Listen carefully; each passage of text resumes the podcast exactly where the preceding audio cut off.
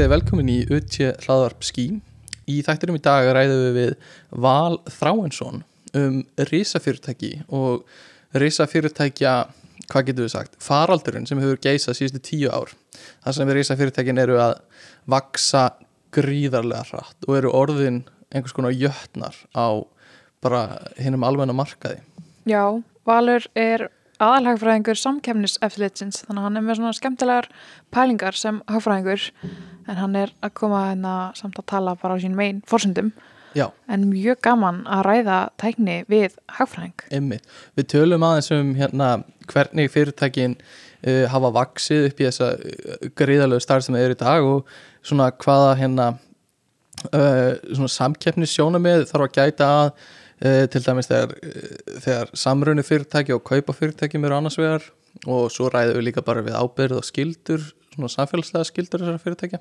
Já, líka svona skemmtileg mál sem að koma upp og einhverjir skandalar sem að svona gaman að fá betri skýringu á. einmitt, einmitt.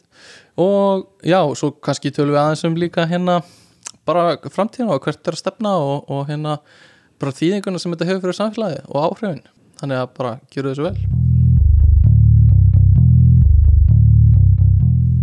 Hjartanlega velkomin í þáttinn Valur Þráinsson, aðalhagfræðingur samkeppnis eftirlitsins uh, Þú kemur hérna uh, á, já, ekki fyrir hönd samkeppnis eftirlitsins samt heldur bara sem einstaklingur Já, það er vera frjáls talar frjálst, þínar skoðanir eru þínar eigin eins og Tala við sem. Valur. talar sem valur uh, Já, þú ert aðalhagfræðingur uh, samkeppnis eftirlitsins, hvað gera aðalhagfræðingar? um, Starf kannski aðalhagfræðinga og annara hagfræðinga hérna er svona í aðalatriðum eh, kannski ekkit ólíkt við hérna vinnum við það að greina gögn og, og stór hluti líka af okkar starfi fyrir því að hérna eh, koma fram með og sjá hvernig þetta er að prófa skadakenningar í málum sem við erum að rannsaka Ok, Skaða kenningar, Já. hvað er það? Það fælst í því, þetta er, bara, þetta er svona eins og ef, ef við farið tilbaka þegar voru í skóla, þegar voru í tölfræði og voru með svona töl, tölfræðipróf voru með nullkenningu og svona. Og þar sem við er, erum þá að gera þegar við til dæmis rannsökum samrunamilli fyrirtækja að þá förum við ekki áfram í einhverju ítalega rannsón nefnum við séum með kenningum um það hvernig við komum til samrunni hafi neikvæð áhrif. Einmitt. Já, svona tilgáta. sem Tilgátuprófun, já. Og þetta er eitt af verkefnum samkeppnis eftirlitsins, það er að fara yfir kaupa fyrirtækjum, samruna fyrirtækja og fleira. Já, við erum sérst með nokkur, nokkra hatta. Uh, fyrst, uh, og þetta er ekki reyndi sérstakar röð, það er fyrsta lagi að þegar fyrirtæki eru ákveðið stór þá þurfa þau að tilkynum kaup sína á öðrum fyrirtækjum. Þannig að það fer í gegnum samkennis eftirlitið uh, í öðru lagi þá er hefur stofnunin svona eftirlit með því að fyrirtæki stund ekki ólögumætt samráð sem sagt, ákveð ekki verð hérna, hvern, á vörum og þjónustu sem við kaupum eða sammalest um hérna, aðra parametra sem hafa skadlega áhrif. Og svo í þriðalagi þá uh, höfum við líka það hlutverk að fylgjast með því að fyrirtæki misnóti ekki markarsandu stöðu sína. Einmitt. þannig að fyrirtæki eru ákveðið stóra ákveðinu mörkuðum að þá eru þau ekki alveg frjáls hvað var það hvað þau geta gert Einmitt. þetta eru svona þessi helstu þrjú atriði og svo til viðbótar eru við líka og höfum það hlutverk að vera svona málsvara samkemni þannig að við höfum að benda stjórnvöldum á leiðir til þess að hérna eh, gera breytingar á lögum eða reglugerðum sem að þá eru samkemnishaflandi einmitt, einmitt. Skemmtilegt, við vorum, ég og Kristjana vorum að ræða um daginn sko uh, hugtak sem heitir plant obsolescence mm. Eða skipulögð úrelding já, íslensku. úrölding fyrirtækja og, og eh, þegar við vorum að rannsaka það þá, þá voru hérna ljósapyrir fyrirtæki á 20. áratug, eða öðrum áratug eða þriðja áratug síðustu aldar Já, Stór- 1924. já, stóri ljósapyrir framleiðendur sem hérna skipulega með sér að hérna uh, hamla sko fram sem sagt, framförum í ljósapyru þróun og til þess að til þess að hérna fólk myndi kaupa fleiri ljósapyrur Já, Fíbus kartell.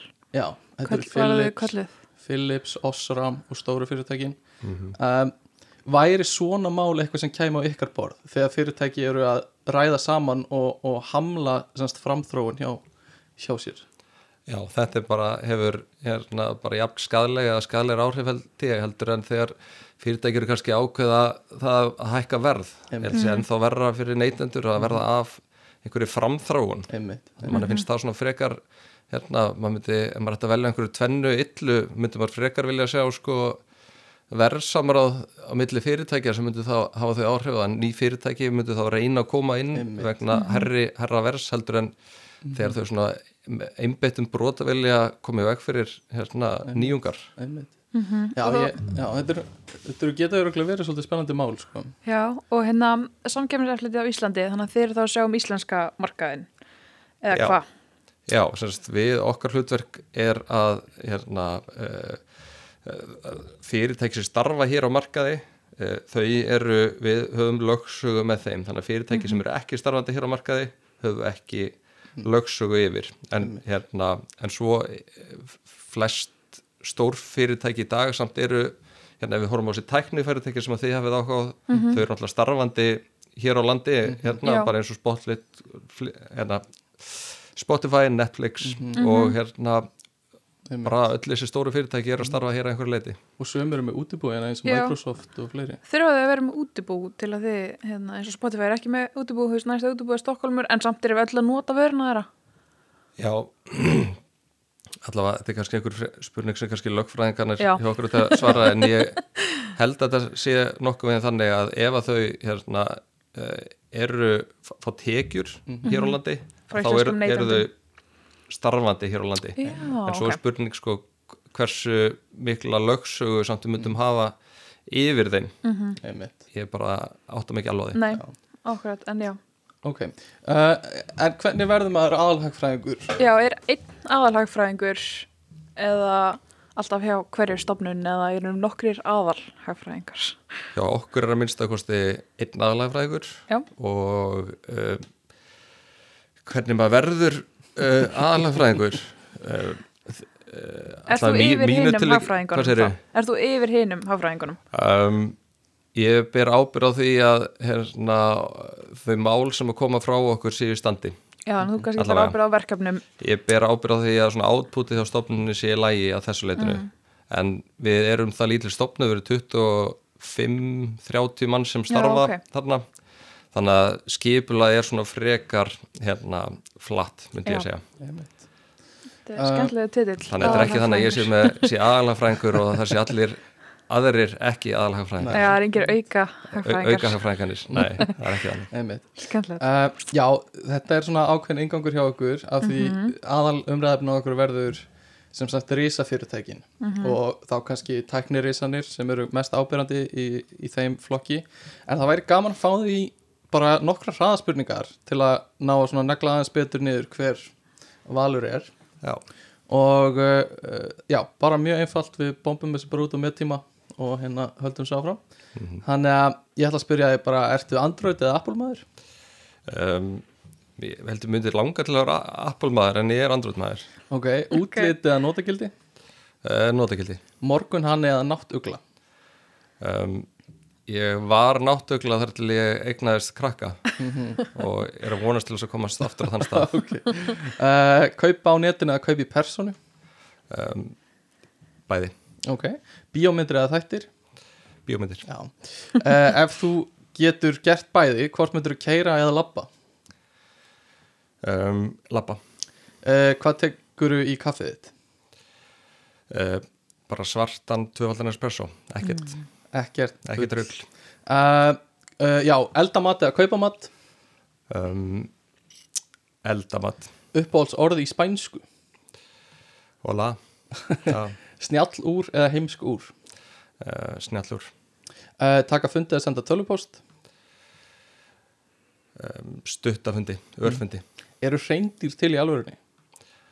Nei. Go to fréttamiðl um, Ég myndi segja að það sé orðin sími minn sem að hérna velur fréttir handa mér. Skemmtilegast. einmitt. Þetta, þetta hérna, uppastungunir hans. Já, og svo er ég með lítið fréttabref hérna um samkennismál sem að okay. eru 700 mann sem allan heim sem að hérna fá einu í viku. Þannig ég myndi segja að það væri svona Já. fréttamiðl, uppbólsfréttamiðl minn. Okay. Uh, og alveg að klára hérna uh, fjöldi skjáa í vinnunni? Þrýr, hvað er passvortið á tölvuna þína? Pass. Uppáhalds uh, svona minna þekkt tónlistamannskja um, um, einhver sem þú minna þekkt. Já, kannski sem er ekki Coldplay eða Rihanna. Já, um, góð spurning. Já, ertu mikið inn í tónlist? Ég er sko með svona svipan tónlistarsmekk og þegar ég var 13 ára. Ok, ok, og kann svipa mikið á gítar. Mm ok. Þá lustaði ég bara hérna Nirvana. Nei, Neil Young. Ég var bara fastur þar Já. í, í svona Neil Young og hérna Crosby, Stills and Young og, Ok. og fleirum. Og hérna er alveg bara ennþá fastur þarna. Það Ok. hefur ekki þróast. Já, það er bara allt í lagi. Og uh, tvær eftir hérna. Hvort myndir þú vinna bara fyrir hátti eða bara eftir hátti uh, fyrirhátti og myndir þú ferðast 100 ár fram í tíman eða 1000 ár fram í tíman ég hugsa að ég myndi taka 100 ár. 100 ár, Já. það er uh, svona safe ég myndi bet. gera það sko. Já, það er ekkert, ekkert að því. Og uh, ég er mjög spenntur að taka þátt sem við ætlum að taka upp um futurisma sem fókusa svolítið á heiminn eftir 100 ár. Þannig að keep tuned, keep tuned for that eins og við segjum. En reysa fyrirtækin okkar elsku bestu. Mm. uh, það er eiginlega bara svona síðustu tíu ár getur við sagt sem það er, er eins og eitthvað hafi gerst eitthvað svona eh, eitthvað hafi smollið saman. Og við erum að sjá núna risastór fyrirtæki og þetta eru yfirleitt tæknirísar og þetta eru kannski svona ég veit ekki, þrísvar til fimm sinnum stærri fyrirtæki en voru bara fyrir nokkrum árum. Uh, og uh, það eru, það hafa verið í gegnum bara tíðina, bara í gegnum aldirnar önnur risastór fyrirtæki sem sumi myndu kannski halda fram að séu ennþá stærri heldur en þessi teknirísar sem eru skipalega fyrirtækin eins og Austurindi félagið breska, hollenska og, og fleiri þannig. En það er mjög erfitt að bera þau saman og ég myndi eiginlega vilja taka þau algjörlega út fyrir svega og ekki hafa þau með þessar umræðu og freka að segja bara að þetta eru fyrirtæki sem við höfum aldrei séður þessi nýju risasfyrirtæki. Uh, og þetta eru þetta eru fyrirtæki sem eru að þjena uh, kannski einhverja miljarda af dollurum. Eða eru á starð við einhverja miljarda af dollurum. Uh, og mér langar aðeins að ræða bara hvernig kom þetta til? Af hverju er þetta tækni fyrirtæki aðlega og er virkilega eitthvað á bak við þessar tölur svona til að byrja með? Er eiga þau, þú veist, þau eiga væntalega ekki eignir upp í allar þessar tölur? Og hérna þetta er sannilega bara svona einhvers konar hérna hlutafíu sem, sem uh, er öll þessi upphæð. En allána, við skulum byrja. Hvað heldur að hafi gerst þannig fyrir tíu árum? Af hverju eru þessi stóru fyrirtæki að vera til núna? Um, sko ég held að sé líka mikilvægt þegar maður horfir á þessi fyrirtæki í dag og hérna, stöðu þeirri dag er líka svona horfa aðeins tilbaka og hvernig hefur verið talað um sko, stórfyrirtæki í fortíðinni sem eru ekki lengur stórfyrirtæki og hérna ef maður skoðar Forsíðu Times árið 2007 þá var svona mynd af hérna, jakkafættaklættu manni andlitun á honum og hann er að tala í Nokia síma. Og fyrirsögnir er eitthvað á þá leið sko uh, who will beat the, uh, the mobile giant? Eitthvað á þá leið. Einmitt. og á þeim tíma að þá hérna, held enginn að, að Nokia að myndi einhver ná að skáka, skáka þeim á næ- Einmitt. næstu árum og þannig eru bara 15 ár síðan þetta var. Um, þannig að svona það er alveg ágætt að hafa þennan fyrirvara á því þegar við erum að tala um þessi stóru tækni fyrirtæki í dag og hérna það voru til önnur stóru tækni fyrirtæki fyrir hérna 10-15 árum sem að margir höfðu áhyggjur af. Um, en það er samt alveg rétt að það er eitthvað breyst svona á síðastlinum uh, 10 árum 10-15 árum og maður sér það líka bara á hérna uh, þar sem ég er svona mest um inn í þessum samkeppnisheimi uh, það voru svona eiginlega engin mál uh, svona frá fyrir en árið 2010-11 gagvart stóru fyrirtækjunum og svona kom eitt og eitt mál svona til ásins 2018 og svo bara var einhver sprenging. Það er til svona listar af öllum, öllum rannsóknum sem eru gagvart þessu fyrirtækjum að þar hefur orðið einhver sprenging. Þannig að það er, er eitthvað að breytast og hérna uh, og það sem hefur náttúrulega líka uh, hérna breyst og sem að ég held að skýri hérna áhuga svona einhvern veginn allra á þessum fyrirtækjum að þau hafa svona á einmitt senustu þessum, þessu árabili verið svona smá eins og hérna svona fílar í postilinsbúð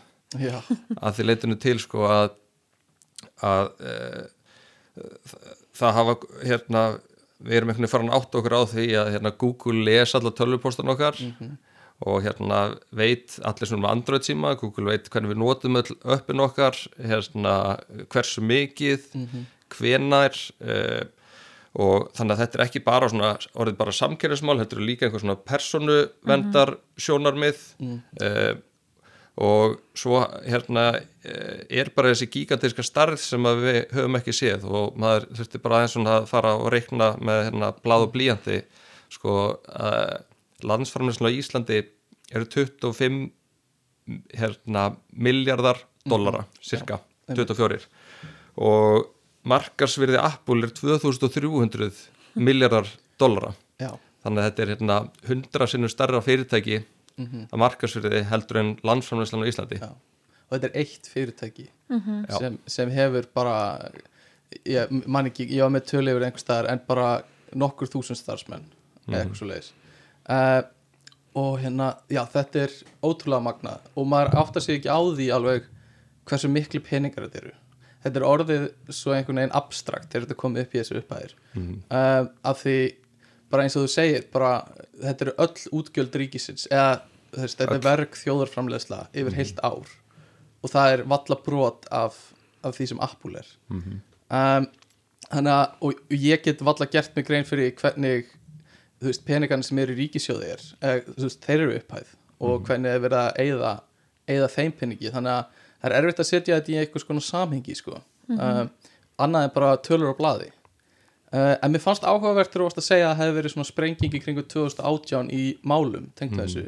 Heldur að það sé út af uh, það breyttist eitthvað í, í sko, hvernig eru að rannsaka það eða, eða, eða hérna e, hvernig fyrirtækin er að hægða sér? Hvort heldur þetta sé? Og var þetta þá, þú samkeppnisrannsóknir? Þú veist, náttúrulega persónuvendalöggjöfin var að koma um þetta leiti eða ekki líka? Jú, Hafði það einhver áhrif þessi GDPR já, ég held bara að bæði, bæði þessi atrið hafi- haft áhrif og e, e, mál sem að þísk samkenniseyföld voru höfðu gegn Facebook held ég árið 2016 það svona snera því að Facebook væri orðið svo stert fyrirtæki að í stað þess og þar sem við þurfum ekki að greiða neitt fyrir nótkunum á Facebook að þá væri gjaldið sem að hérna, þískir nótendur var að greiða væri orðið svo hátt að þeir væru að misnota stöðu sín á markaði.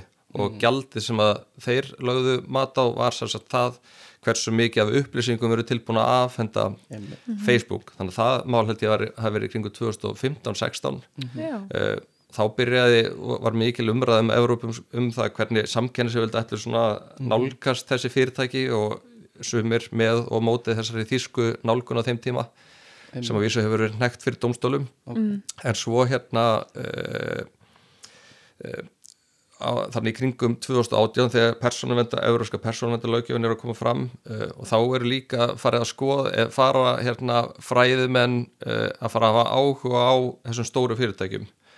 Og til dæmis þegar við horfum á Google frá árinu 2001 og held ég til ásins 2019 þá var hérna Google að kaupa upp að kaupa hérna, fyrirtæki svona cirka eitt, eitt í mánuði í 20 ár.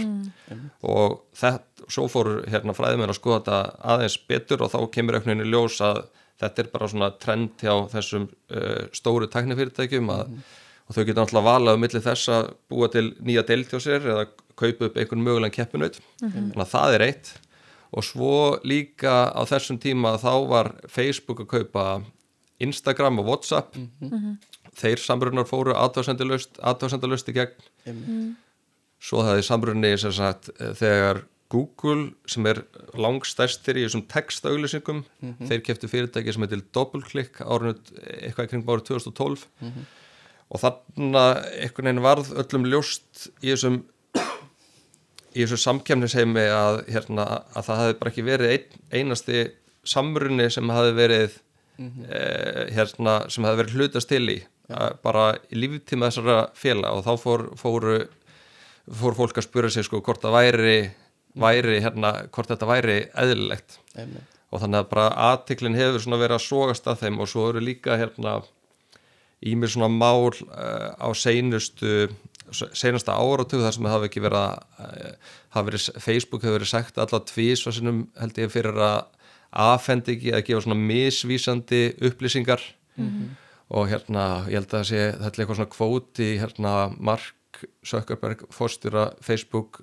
sem að gengur einhvern veginn út á það hérna uh, move fast and break it. Það er eitthvað svona bara hérna uh, bara verður fljótur á staðinn og bara hérna gerðu það sem þú þarfst að gera áður, áður en einhver næri er aðskataður sko. Einmitt. og það er einhvern veginn sem að hérna, til dæmis í þessu Whatsapp máli að þá held Facebook því fram að að þeir gætu ekki hérna, að þeim væri ómögulegt að tengja saman notendunar á Facebook og Whatsapp og það væri bara svo flókið í framkvæmd að það myndi, væri bara ekki smög fyrir fyrirtæki að gera það. Og framkvæmdastjórn Evrópusambandsins sem rannsakar alla svona samrunar sem hafa áhrif þvert yfir Evrópu þau höfðu af þessu. Og svona grunnið þess að þá hérna var eh, ekki talið jafn líklegt að samrunum myndi raska samkjöfni og svo held ég einu eða tveim áru setna þá er bara Facebook búið að hérna samin allar svona notendur og hérna Já, akkurat. og þeir svo sektaðir með einhverjar hérna miljónir eða tögumiljónir sko evra sem er svo, þegar maður fyrir svo að horfa á markasvermaði þessari fyrirtæki að þá er allt svona bara eitthvað svona virðist vera bara svona klink. Já, bara dropi í hafið. En það var það bara gert eftir á og þau hefðu alveg rétt að gera það eftir á að sekta Þau. Geta sagt, já ef þau veita rángar upplýsingar þá er það Já, Þetta, er, þetta eru ótrúlega áhugaverð mál sem hafa komið upp tengdu sko samruna fyrirtækja, kaupum og fyrirtækjum og við, ætlum kík, við ætlum að fara yfir það mjög vel á eftir. Uh, en mér langaði aðeins að sko bara velta upp uh, af hverju er svona stór mikill vöxtur í þessum fyrirtækjum núna? Og það er mjög erfitt kannski að svara því á einhvern einn hátt. Uh, það er bara fullt af teknið framförum og, og, og þróunum sem eru í gangi en, uh, en fyrir kannski 50 árum síðan í- 30 árum síðan ef að einhver hefði sagt að, að eh, reynda að útskýra hvað samfélagsmiðl er fyrir einhverjum þá hefði einhver bara einu svona dotti í hug að það gæti verið stærsta fyrirtæki heimi eða eitt af stærsta fyrirtækjum heimi. Uh, það er bara einhvern veginn svo og, bara svona abstrakt og óskiljanlegt. Uh, líka sem einhver vara sem þú borgar ekki einu svona fyrir sko. Já, einmitt. allavega og bara gögnin mín hvað, sko. hvað þýðir gögnin mín? Eitthvað að, að það sé varan. Þannig að eh, hvernig verður þetta svona stórt dæmi? Og hva, hvað er að gerast höldu við sé, sem þessi þróun er? Og kannski líka áður með fyrir mig það, veist, hvernig er virði fyrirtæki metið, ef við bara svona fyrir mig 101, þú veist, hvernig er það gert? Það, er all, það sem er alltaf breyst núna síðastlinum hérna bara frá því að COVID hérna uh, bankað upp á og þeir sem eiga bara fasteignir vita það hvað hérna lægri vextir hérna gera.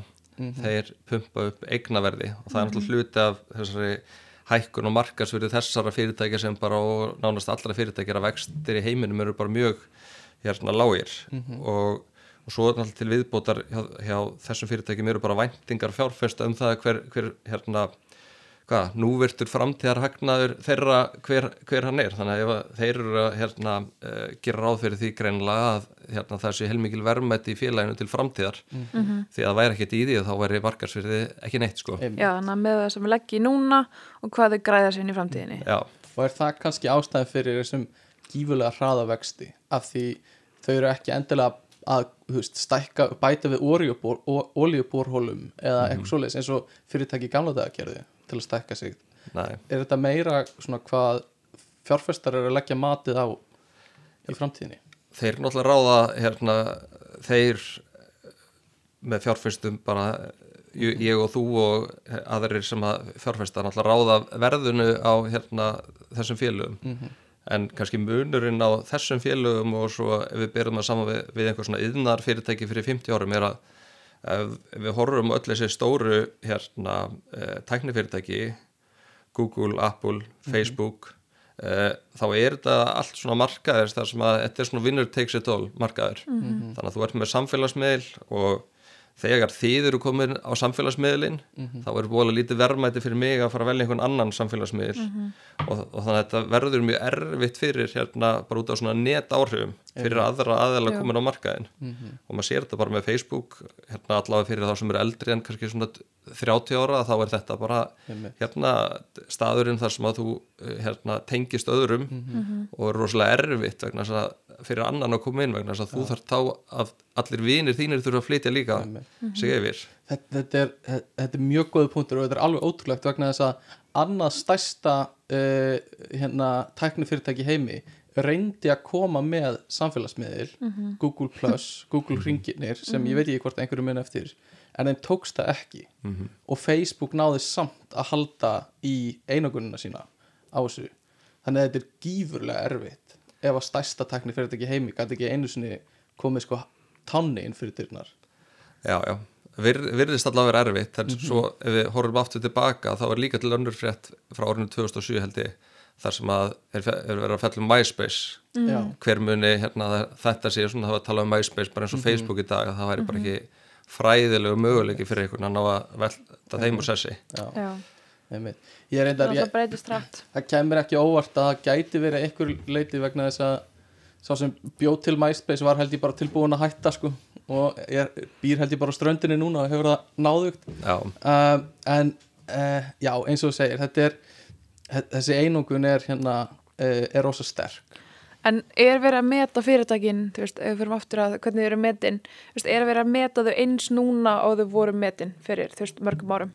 Þú veist, er þetta það að fjárfestar að þau trúi svona mikið á fyrirtækin og, þú veist, eða að því að þetta er kannski metið öðruvísi, þetta er ekki eins svona snertanlegt mat, já það er alltaf bara uh, kannski huglægur að dag einhverju byggir þetta alltaf mjög miklu á væntingum Já. þetta er ekki eins og hérna ólíuborpallar þar sem þú veist bara hversu mikið er til í borhólunum sem það átt og Akkurat. getur þannig að það er alveg hérna uh, Er þetta huglægur núna, heldur þetta var?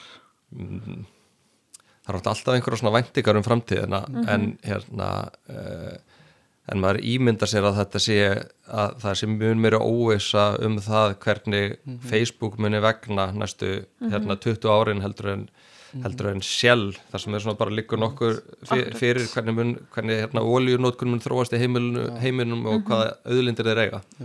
Ge- getur verið að hérna, vörumerkja svona uh, þekking eða brand recognition getur komið spilum þátt í sko uh, verðmati á fyrirtækjum? Það er að segja að, að það, bara vörumerki sjálft er einhvers virði út af því að bara Facebook F-ið er rosalega þekkt og Coca-Cola rauði liturinn er rosalega þekktur. Mhm. uh, að það spilir líka bara inn í hérna, verðmat og, og hvers virði fyrirtæki er. Já, alveg uh, augljóslega held ég. Og þeir sem að hérna eiga Apple síma þekkja það, að kaupa sér Einmitt. nýjan síma með litlum breytingum hérna reglulega uh, bara þegar þetta er nýjir Apple sími. Einmitt. og svolítið, Og- já, svolítið partur af þessu fast fashion líka stefnu sem hefur verið í gangi bara. Já, það er ekki vinsalt eða gamla síma. Nei, alls ekki. En samt er í verið umhverju sinni þannig er svona Já, þetta, þetta verðist vera svolítið á andurinn með því sko. nefnilega. Já, svona tískuður umhverfisinni þegar hendar. Já, Einmitt.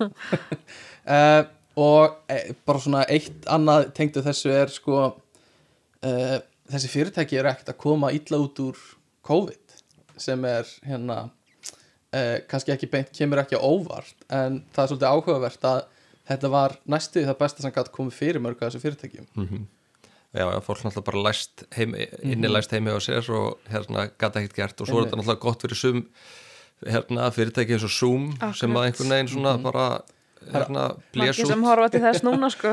Fólk er hægt að segja skypaði mig. Já, Já. það er magna zoomaði mig sem er ótrúlegt, þetta gerist stundum googla eitthvað, það er bara samheiti yfir að leita einhverju á netinu Já, já, og núna er að zooma, Já. er að tala með einhvern uh, en já, þetta var bara uh, þetta en var Teams, er enginn í Teams er já, það? Teams. Teams, En ég veit ekki hvað maður segir, Teamsaði mig. Það er svolítið já, það er svona meira corporate. Já, það er, já, það er svolítið corporate. Um, svona meira fyrir hérna fyrirtækin. einmitt, já, en þetta var svolítið himna sending sko fyrir mikið af þessu teknifyrirtækjum að því fólk eitti þá ég veit ekki, kannski þremur tímu meira á sólarring fyrir fram að skjá kannski hátt í tíu fyrir Já. marga. Mm um, en uh, það sem mér finnst líka áhugavert við þessi fyrirtæki er hérna eigendunir Mhm. að þeir eru ornir uh, stórstjörnur að einhverju leiti ég veit ekki hvað forstjóri Exxon Mobil heitir og ég veit ekki hvað forstjóri, þú veist, Costco heitir eða eitthvað svoleið sem voru kannski gömlu stóru fyrirtækin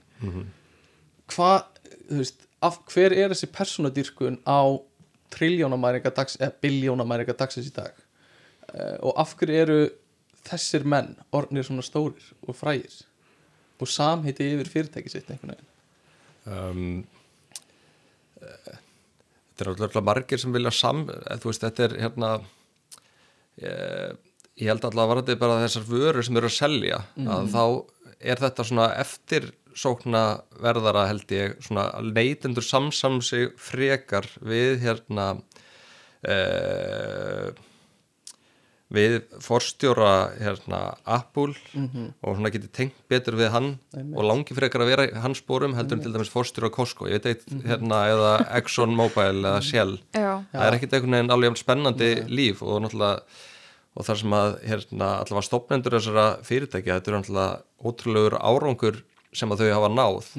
Og þannig held að bara út frá svona viðskiptahagsmunum fyrirtækjana þá er þetta eitthvað sem að bara hérna borgar sig. Ef að, ef að þetta myndi ekki, ekki skila fyrirtækjunum neinu að þá væri þessir hérna forstjórar ekki, já, sem er allir kallmenn væri þeir ekki hérna í framlínunni. Nei. og væri ekki Nei. af nábærandi þess að þeir eru sko. Að það er líka allt mjög sterk brönd vörumerki. Já, þú þannig að þá náttúrulega verður fórstjórinn líka er alveg góð bara alveg svo Elon Musk. Já. hérna, Tesla.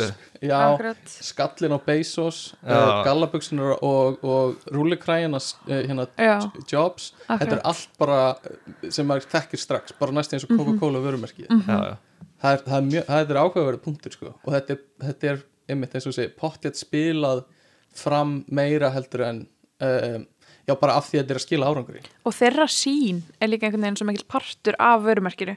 Veist já. hver þau stefna, þeirra þangagangur sérstaklega með Elon Musk sko. Já, þú veist kannski meira heldur en þú veist, gildi Costco fórstjórans um að spara. Þú veist, Einmitt. það er kannski ekki eins spennandi og einhver sem ætlar sér að búa út í, þú veist, game. já. Þú veist, það er líka svona fólk, já, ég vil vera svona. Hvernig uh, hvernig get ég lifað lífstíl Elon Musk? Er bara örugglega svona 10.000 greinir á netinu. Já, og svo er áhugavert. kannski annars vegar sko uh, kannski er þetta einhverjum hluta eða örgulega einhverjum hluta er þetta, þetta þjónar hagsmunni fyrirtækisins. Mhm. en svo á sama tíma þá er þetta samt svolítið, hérna, þetta er ekki alveg svona meðaljónin sem að er að stýra þessum fyrirtækjum. Nei, nei, það þeir er eru allir með einhverjar svona hérna alveg svona brjálaður hugmyndir Mhm. og já, til dæmis við tökum hérna eh, Jeff forstjóra Amazon. Mhm. Bezos, já.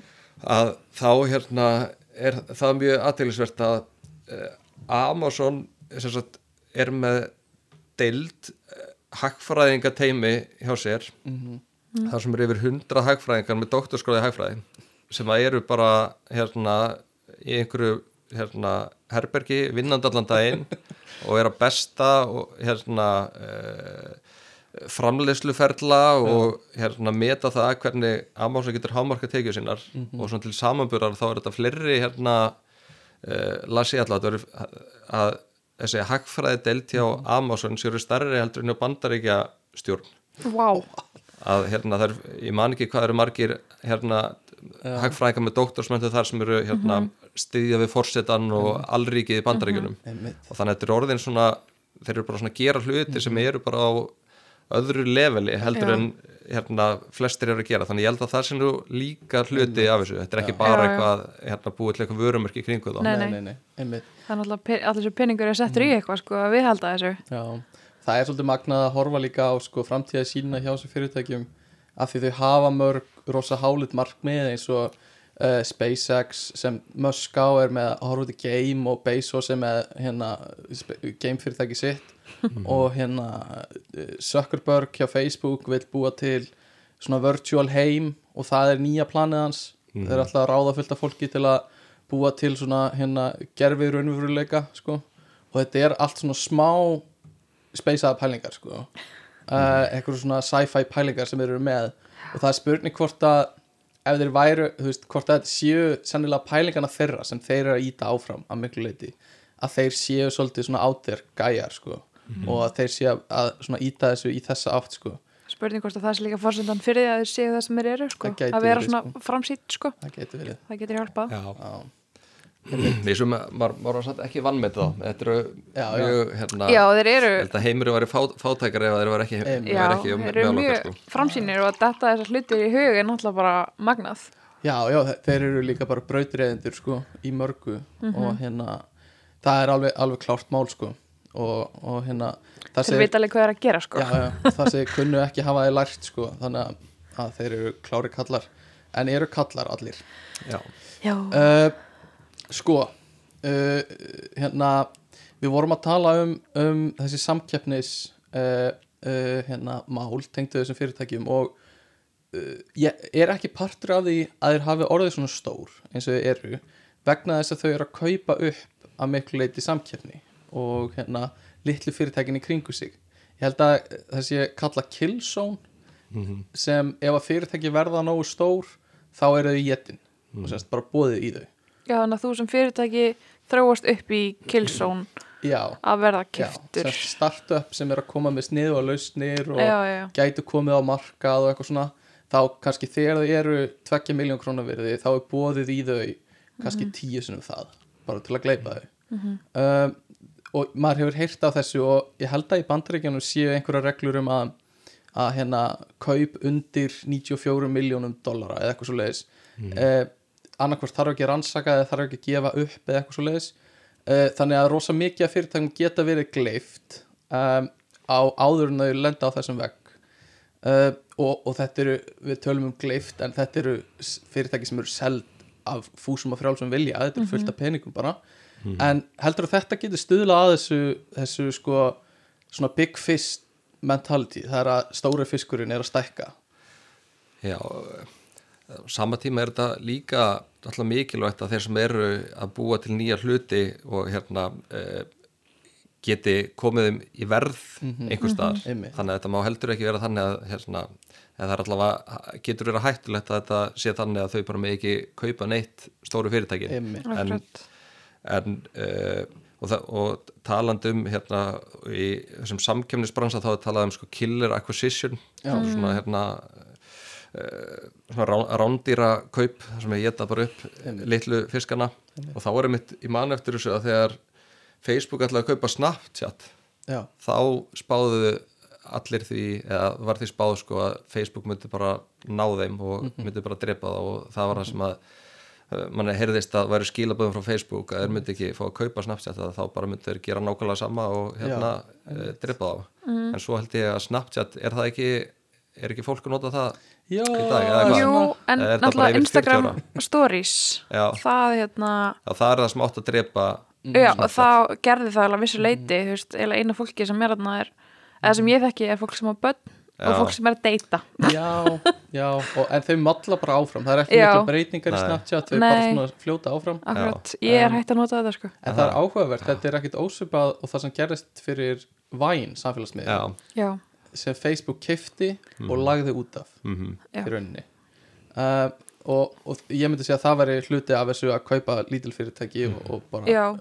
eigna sér þau og, Svona alltaf núna er Instagram með Reels til að reyna að taka móti TikTok sko. Já, Einmitt, einmitt. Þe- já, e- já, þetta er góð punktur. Þegar það kemur upp eitthvað nýtt samfélagsmiðlafórið eins og TikTok mhm, uh, þá er Instagram allt í hennu komið með Instagram, sama sem Facebook þetta er sama Akkurat. fyrirtæki er, bú, er búið að svara því strax. Með Reels. Já, og það einhvern veginn þarf bara að vera að setja TikTok efni aftur inn sko. Já, já. vera að reyna að ná þeim en þau er ekki alveg að nei, en það, það, þetta er samt alveg success myndi ég segja. Það eru Algjörlega. margir að nota þetta og og það heldur þeim sem er á Instagram rosa stert þau eru ekki alveg að hoppa yfir að þú getur gert þetta. Þannig að þetta er svona vel gert hjá Instagram Já. sko.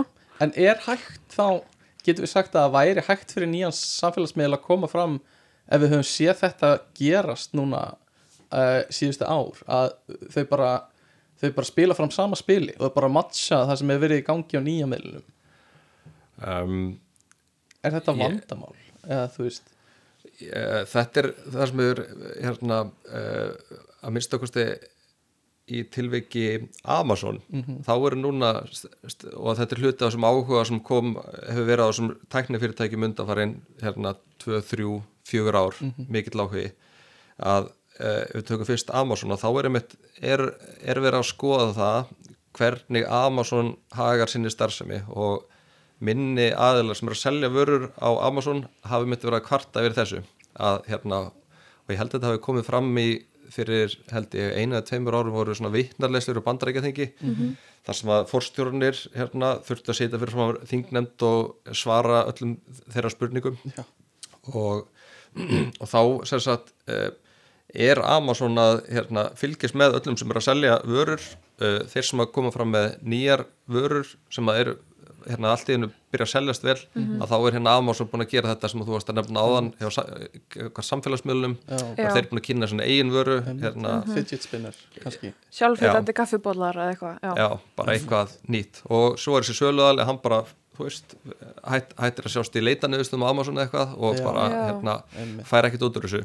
En, en svo hérna það sem að þú nefndir aðan varðandi e, þessi mörg í bandaríkjunum það þurfa að tilkynna um samruna Mhm. að þá eru núna urðu mikla breytingar í bandaríkjunum þegar Biden var kosin já, ok þannig að hann hefur gefið út einhvers konar hérna, executive order til allra ríkistofnana um að þau að vera, hérna, hor- vera sérstaklega meðvitað um hérna, eh, mikilvægi samkemni mm. sem að, og þá snýrt ekki bara samkemniseftlitinu þar og skipaði nýja konu sem heitir Lína Kahn sem er Já. 32 ára held ég. hana. og er fyrsta, fyrsta hérna, uh, yngsti stjórnarformaður bandaríska samkemniseftlitsins já, einmitt. Og hérna hún hefur verið mjög svona hérna skeftisk á stóru fyrirtækin. Og það sem að þau hafa þá líka gert í bandaríkjum núna er að þau eru bandari stjórnvöld eru þá að lögsækja Facebook fyrir að hafa keift Instagram og Whatsapp á þeim grunni að hérna þau hafi sem sagt eh, að það hafi um hafi verið að ræða samkennisamlandi samruna sem er bannað að fara í þráttur og þurfa ekki að tilkynna alla samruna einmitt. að þá er það samt de facto bannað. Einmitt, einmitt.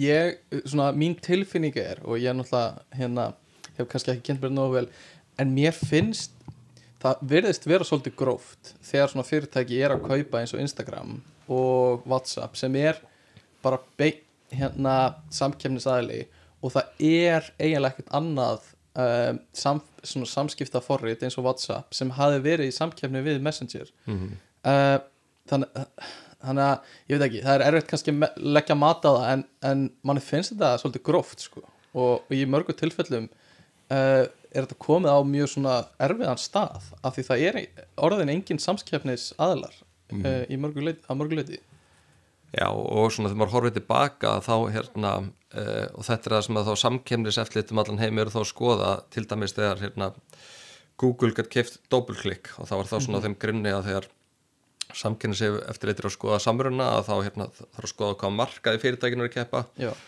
og þá var einhvern veginn nálgunni þar, jú, hérna Google er sterti í þessum textauðlýsingum, hérna eh, doppelklikk er sterti í þessum bannera auðlýsingum og þau eru bara ekkert að keppa nægilega mikið við hvort annað. Einmitt. Og samt finnst maður svona að maður lítið baka allavega að, hérna, að það var einhvern hérna, augljóst að það er einhver samkeppniðan á milli. Já, og þannig að þetta er bara svolítið hérna, uh, þannig ég held að þetta sé nú ekki orðið, sé ekki vonlega staða Nei. en þetta er samt og uh, uh, en samt sem áður hafa sko og það hafa fjölmörg ríki heims verið að bregðast við því uh, eins og þjóðverjar letu skrifa einhverja skýrslu fyrir sinnur fyrir tveim árum mm. Evrópusabbatið, Bretar bandaríkjumenn og allir þessir aðilar eru að hérna stopna og setja laginar auknar heimildir handa í, í Þískalandi, Evrópu og Breitlandi, auknar heimildir til handa samkjænseflitunum þar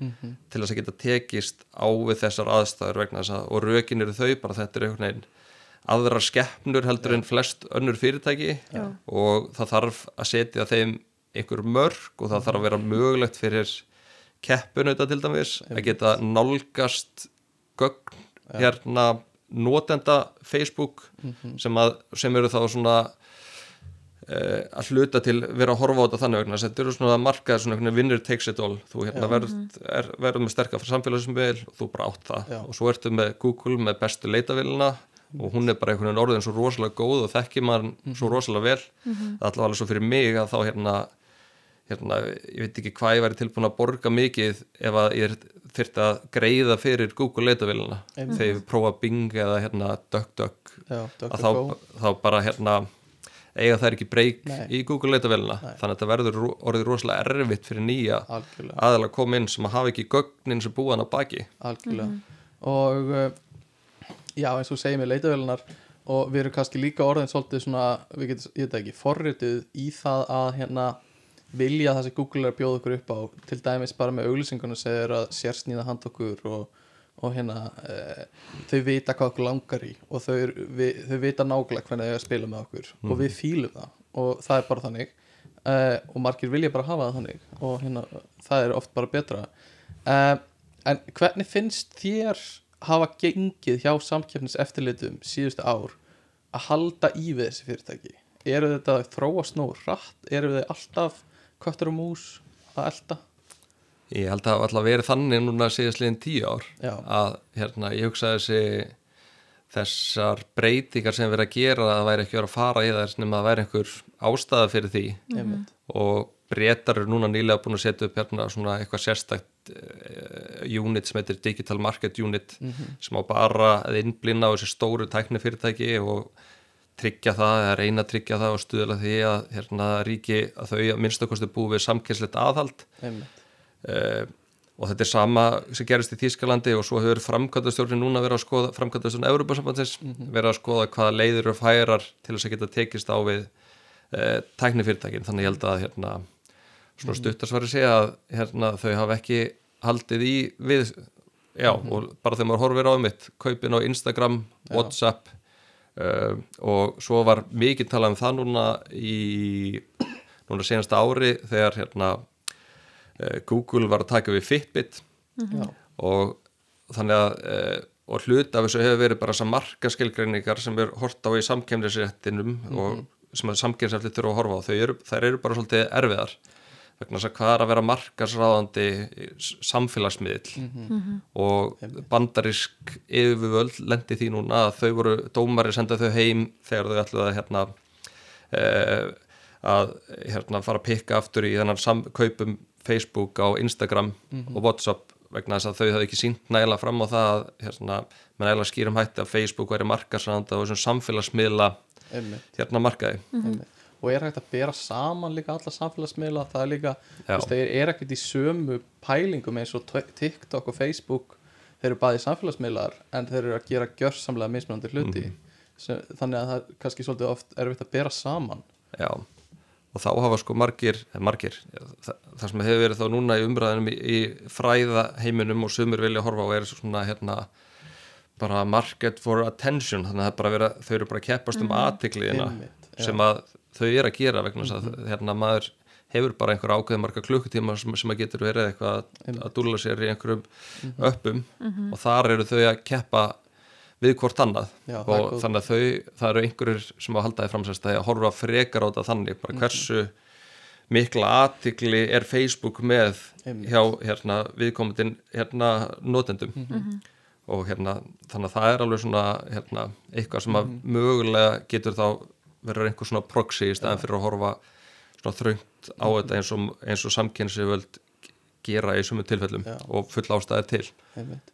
Þetta eru sko líka við vorum að tala um áðan að hvað þetta eru rísa stór fyrirtæki og þetta eru margfald hérna, upphæðir sem eru margfald stærri heldur en uh, verkþjóðu framlista bara stóru að landa, bara spánar og meira uh, Þar maður er til sérstaklega reglur fyrir fyrirtæki sem verða ákveði stór og þetta eru fyrirtæki sem er bara hægt að líka saman við bara lönd sko og bara er eitthvað sérstaklega reglur fyrir risafyrirtækin?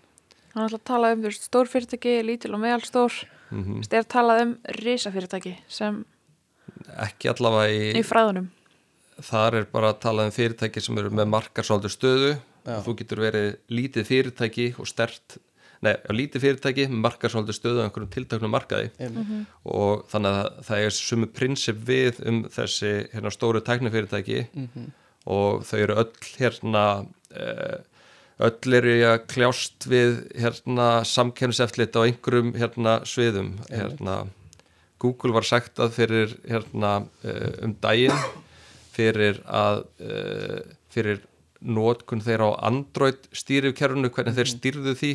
Mhm. sem sagt til þess að geta nota Android stýrikerfið þurftur að hérna uh, hlaða inn hérna forritunum frá Google sem að hérna, þeir vilja að þú notir.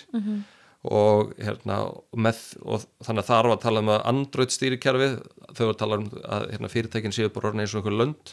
Og þá var einmitt hérna, það, bara Android stýrikerfið er orðið það hérna sterk vara að hérna um það gildir bara eins og hérna að þetta sé bara um einhver sérstakur sér, um sérstakan markaðar eða ok, já, þannig að þeir voru, verið- voru sektaði fyrir það. Einmitt og hafa verið sektaði hvernig þeir inn í Google Shopping, þar var Google shop, hérna, sektað fyrir það að þeir völdu hérna sínar leita niðurstöður og settu þær fram fyrir keppunautar sem voru með svona verðsambur á síður. Þeir hafa Já. gert þetta, uh, valið sín Google reviews frekar en Yelp reviews Já, setja þau ofar sko. Var ekki líka eitthvað stórt mál núna gegn Apple með Apple Store? Jú, svo er það sem að snýr þá að því að, að þessari 30% þóknun sem að þeir taka Já, já, já. fyrir alla sem fara inn eða og hérna Fortnite já, þeir voru að mótmæla þessu sem sagt að fólk geti ekki farið fram hjá geti ekki greitt, fra, þú veist, að þú að greiða fyrir öppinu gegnum Apple stýrakerfið Já, þannig að Apple var alltaf að fá prósentu af bæðið á appum sem var keift og Já. þá jafnvel líka svona in-app purchases. já eina leiðin til að eða pening í öppum hjá Apple er í gegnum þá eða var Já. í gegnum þá og ég veit ekki hvernig þetta endaði en, en já, það, og þeir voru með algjöru einokun þar sko. Mhm. Já, og eru ennþá held ég. Já. en Fortnite var sérst að kvarta við því að þeir geta ekki bara beint selt þér aðgang að appinu og þú nota það Apple appið án svo þú þurfur að greiða Apple 30% Einmitt. en, hérna, en þarna kemur upp þetta alltaf sama og sama eh, sem er svona endurtekið að, að þarna eru bara eh, eftirlitin alltaf svolítið einu skrefi Já, á eftir. Og þegar maður hugsa líka bara um sektinar þeir eru að fá hérna uh, all, uh, Google var sagt að um 5 miljardar bandaríkjadólara Mhm. uh, árið 2018 að framkvæmtastjórn Európa-sáfatis fyrir að misnota margar sandu stöðu Mhm. og við minnir að það hafi verið þetta Android-mál já, og uh, Alphabet sem sagt, hérna móðu fyrirtæki er metið á hérna 1800 miljardar já, bandaríkjadólara og þetta er bara svona pínu. klink. Mhm. allar þessar risa sektir og þetta sé búið að sekta hérna Google og seinustu af framkvæmtastjórnum hérna yfir 10 miljardar eh, hérna evra. Mm og þeir getið markvalda það með 140-50 og það er komið með íslenska krónur. Einmitt. og hérna þannig að þetta eru bara svona gigantískar uppaðir samt þegar maður horfið svo á fyrirtækina þá er þetta bara hérna kannski bara ásættarlegur svona herrkostnaður sko. Já, og meðan hann er svona lítill að þá hérna held ég að vera erfitt fyrir eftirlistofnanir svona að ná að, að þeir munu hafi kvata til þess að breyta höfðun sinni. Er þetta eini svona eina refsi aðgerinn sem er hægt að beita sektir í samkjöfnismálum? Nei, ég veist ekki, það er, eru til hérna eh, ef það er hægt að sína fram á það séu raukverið því að, að hérna, skipta upp fyrirtækjum til dæmis eða, eða þá þau séum einhver, einhver svona hegðunarskiliri að þá eru þau nýtt og það hefur verið nýtt gagvart Google en hefur samt svona skilað takmörkum árangri. Einmitt. Þetta, þetta, já, einmitt. Það er mjög áhugaverðu punktur hvernig þú getur skipt upp fyrirtækjum. Uh, og ég veit að það hefur verið sko, talað um að það gæti orðið svolítið flókið í þessum tilfellum. Segjum að það þurfa að skipta upp Google og segjum að það verður bara gripið til þess. Uh, hvernig á að skipta upp fyrirtæki sem er svona ótrúlega sko einhvern veginn flægt saman með arma sem leggist yfir hvern annan aftur og aftur og tengingar hér og þar og þú ert með sko þú ert með skíaþjónustuna þeirra sem tengist svo líka við leitavélina þeirra og þetta er einhvern veginn allt tengt saman. Þannig að það getur orðið mjög erfitt og sársökafullt að skipta þessu upp og bara býður upp á fullt af nýjum vandamálum sem við höfum ekki séð áður þannig að, að það væri ég veit ekki það er sannlega mjög ólíklegt að það verði gert en það væri mjög áhugavert að sjá hvernig það myndi vera að díla við, við þessar afleggingar sko. Mhm. uh, en ég er með eitt svona uh, scenario sem ég langar að varpa upp og þetta er kannski svolítið átir og hérna afsakið ennskunum mína hérna, en þetta er, já, þetta er svolítið svona vilt en uh, vegna þess að Facebook er með þessa einokun á markaðinu það er ekki engin annars samfélagsmiðl sem er að gera það sama á Facebook. LinkedIn, þú veist, gleymdi því. Þetta er bara Facebook. Og hérna segjum að þau eins og þau reyndi að gera fyrir nokkur árum setja á markað rafmynd. Þeir reyndi að gera það sem heitir Libra minni mig og það gekk ekki alveg nógu vel en segjum að þetta hafi tekist betur hjá þeim. Og þeir setja á, á markað rafmynd sem þú getur notað í gegnum alla þjónustu sem þau eru að veita og, og fleira. Um, og svo lokkaði til hérna viðskiptavinni til að nota þetta betur með því að gefa 50% afslátt af þjónustunni sinni ef þeir notið hérna rafmyndina okkar og svona. Fá alla til að byrja að nota þetta. Uh, mér finnst það ekkert rosa svona erfitt að ímynda sér það. Uh, þá gæti þau haft sko einhvers konar stjórn yfir fjármálamörkuðum líka. Og hérna og þau gætu farið að útloka hverjir mega eigða peningum bara ef þau, ef einhver, einst, einhver notandi brýtur þjónustu skilmála eða eitthvað svo leiðis þá er mjög auðvelt fyrir þau bara eins og þau gera núna að loka á, á hérna uh, þjónustuna. Og af því að þetta eru fyrirtæki þá er þetta allt, allt þetta sem við erum að tala um er möguleiki. Þú veist, þau geta gert þetta allt. Uh, og eru þá farin að stjórna líka hver má eigða peningum og veist, þe- þetta er innan seilingar hjá þeim að hafa þessi völd mm -hmm. skilur uh, væri, þú veist væri hægt að banna eitthvað af þessu? Eða þú veist, er, er, eitthvað, er þetta eitthvað sem væri hérna tengt samkeppni eða eitthvað svoleiðis, af því þetta er algjör einokun. Um, ég held að örgulega svona margir þeir sem er stýra sæðalaböngum um heimallan er örgulega svolítið hérna, uh, hrættir við þetta hérna, fyrirkomulega að minnstu kosti þegar fyrirtækinu er komin með sína eigin mynd sem að þeir hafa enga stjórn á um, en hvað var það hérna, það hvort það sé hægt að banna eitthvað það er náttúrulega hægt að banna hvað sem er Já. og, og, og hérna fordæmi fyrir því bara úr fortið og, og það sem að við vitum kannski ekki núna er bara hvernig hvernig eh, Biden og það fólk sem hann hefur hérna eh, ráðið inn í ráðunitinn og hérna eh, þau embættir sem hann getur haft áhrif í bandaríkunum, hvernig þau munu hérna bregðast við og það, það er svona eitthvað ákall allavega hjá hluta bandaríkjamanna að, að það verði farið í aggressívar aðgerir gagvart hérna tæknifyrirtækunum og svo eru breytar nýbúin að koma með þessa heimild sem að, þar sem þeir getur raun og veru get, bara gert hvað sem er Einmitt. hérna ef að eh, markaðurinn er ekki að fungera alveg nægilega vel einmitt, og hérna og spurning eh, hvernig þetta tól verður sem að framkvæmta svona Európa-sambandsins er að skoða Mhm. þannig að þetta verður þannig að ég held að þetta sé það- eins og þið segið sko, ég held að þetta sé bara það er allt mögulegt í dag. Mhm. og það sem er líka hérna merkilegt við tæknifyrirtæki núna er að nú eru hérna að minnst okkast í Evrópu að breytast lögjöfni kringu banka. Þannig að þeir þurfa að- veita þjónustu veitendum aðgang ABA aðgang að, hérna, að reikningunum hjá þeir og vissum upplýsingur sem þeir að geta náði með ykkar samþyggi þannig að ég vil búa mér til, búa til eitthvað app svona þar sem allir bankareikningarnir mínir eru á sama stað og búa að integrera allt saman að þá er skilda á öllum bönkunum í dag bara að gefa þessu upplýsingar svo fyrir mig sem ég leif, leifi það. Einmitt. og svo hafa hérna hefur verið, hefur verið hérna, fjallað um það sko hvernig hvað áhrif það hefur þegar hvernig samkjöfni mun verða sko milli banka sem eru gríðarlega hérna mikið eða öflugir og svo og hversu öflugir þeir munu vera gagvart sko þegar Google bankar upp og segir herði, hérna ég er að fara að ætla að búa til hérna, þessa þjónustu og fólk geti borgað hvar sem er og millifært og átt yfirleitt verið allar reikningarna sína og öll fjármálu sín hjá mér. Að hérna uh, þá getur maður alveg ímynda sér það að ef að þau fá áhuga þessu það tæki hérna þau ekkit rosalega langan tíma bara hérna gera allavega þess, hérna, eh, þessa starfsemi bankana bara óþarfa Einmitt. á bara mjög skömmu tíma. Klálega Já, fyrir kannski bara eftir hugmyndaflugi alltaf þess að fórstjóra sko. já, Hverstu ætla sér með það? já. Hvort þeir fá leið, leið á geimförðum og fara að einbytta sér einhver öðru. Já, já, uh, ja, mér langar að segja, ég, ég glemt að segja eitt við vorum að tala um að skipta upp fyrirtækjunum.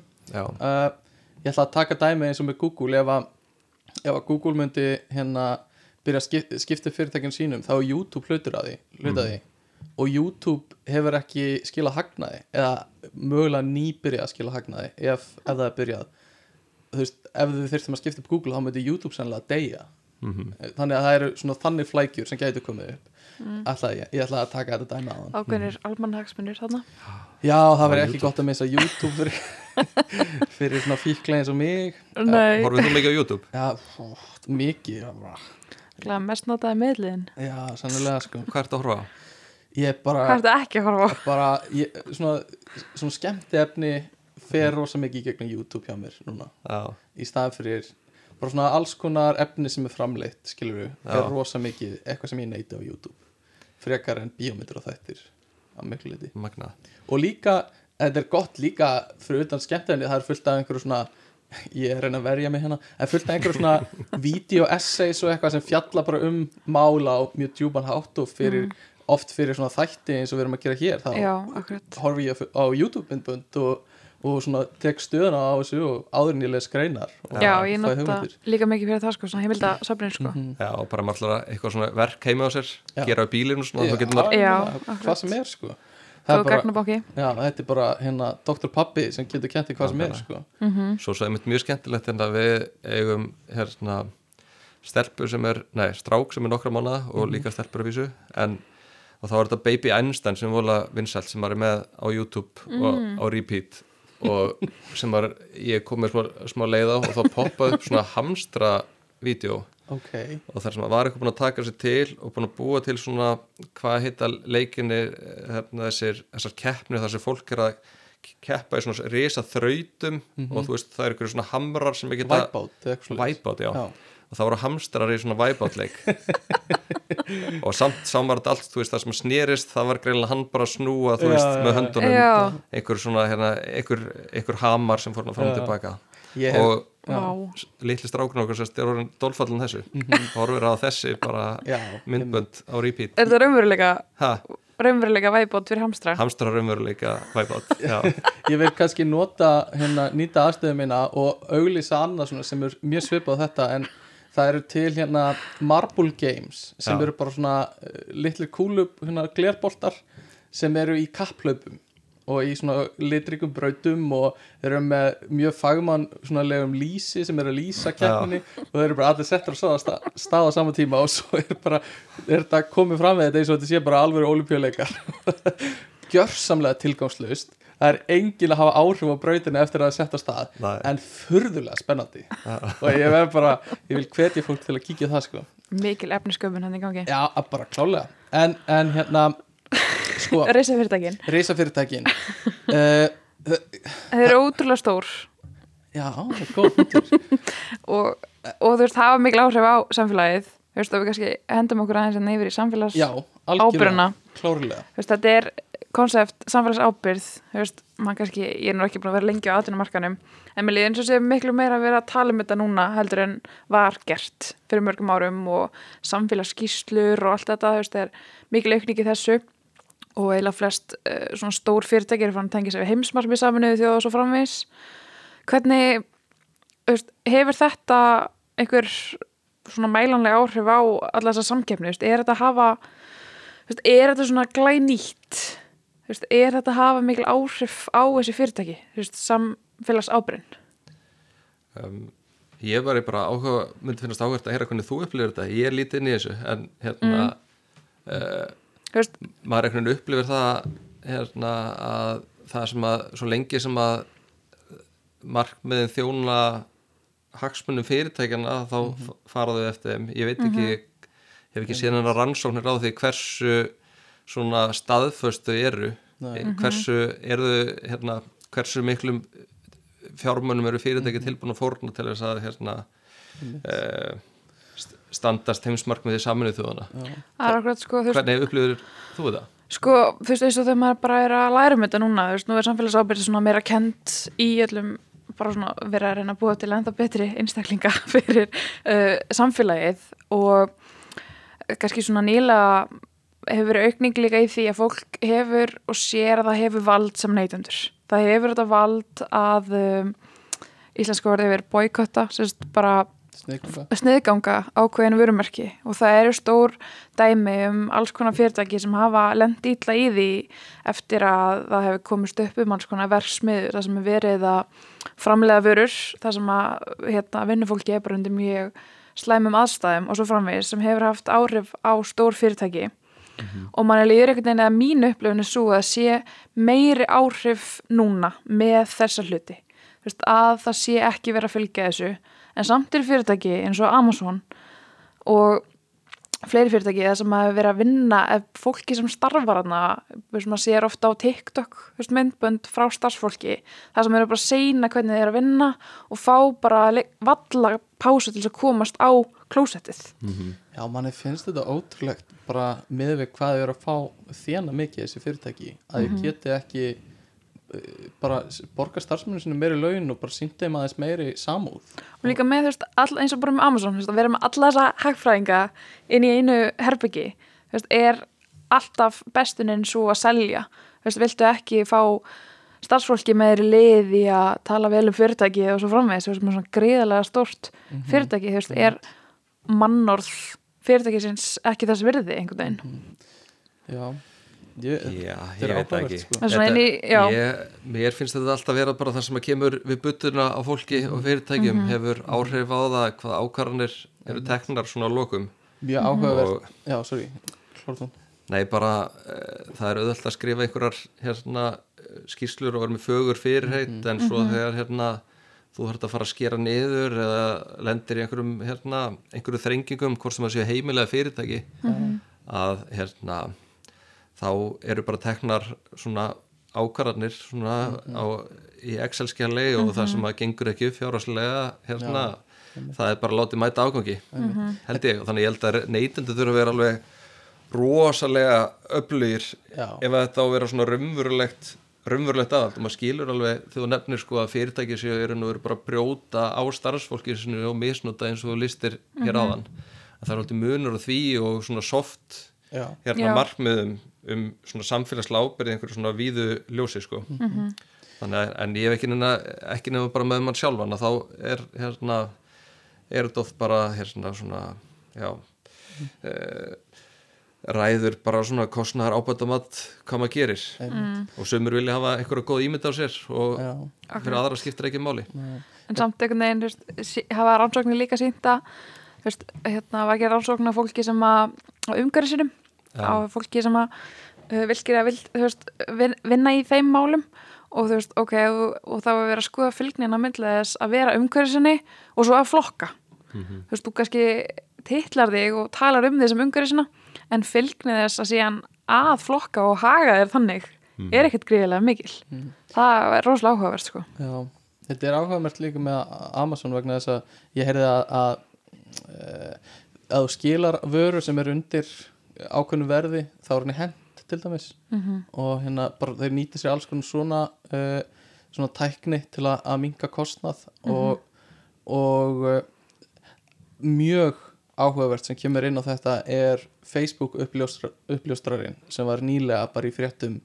Kona sem var að vinna hjá Facebook sem, sem hérna kemur fram og segir Facebook uh, hefur aftur og aftur tekið hagsmunni og, og hagnað fyrirtækisins fram yfir almanna hagsmunni og, og og hérna bara- hvað er gott fyrir uh, fólkið sem er að nota þjónustuna. Hún var búin að safna gögnum og skýslum þar sem að Facebook var að taka ákvarðanir og þetta, hún verðist vera, hún verðist vera með bara mjög hérna góð gögn og bara sannanir fyrir því sem hann er að segja.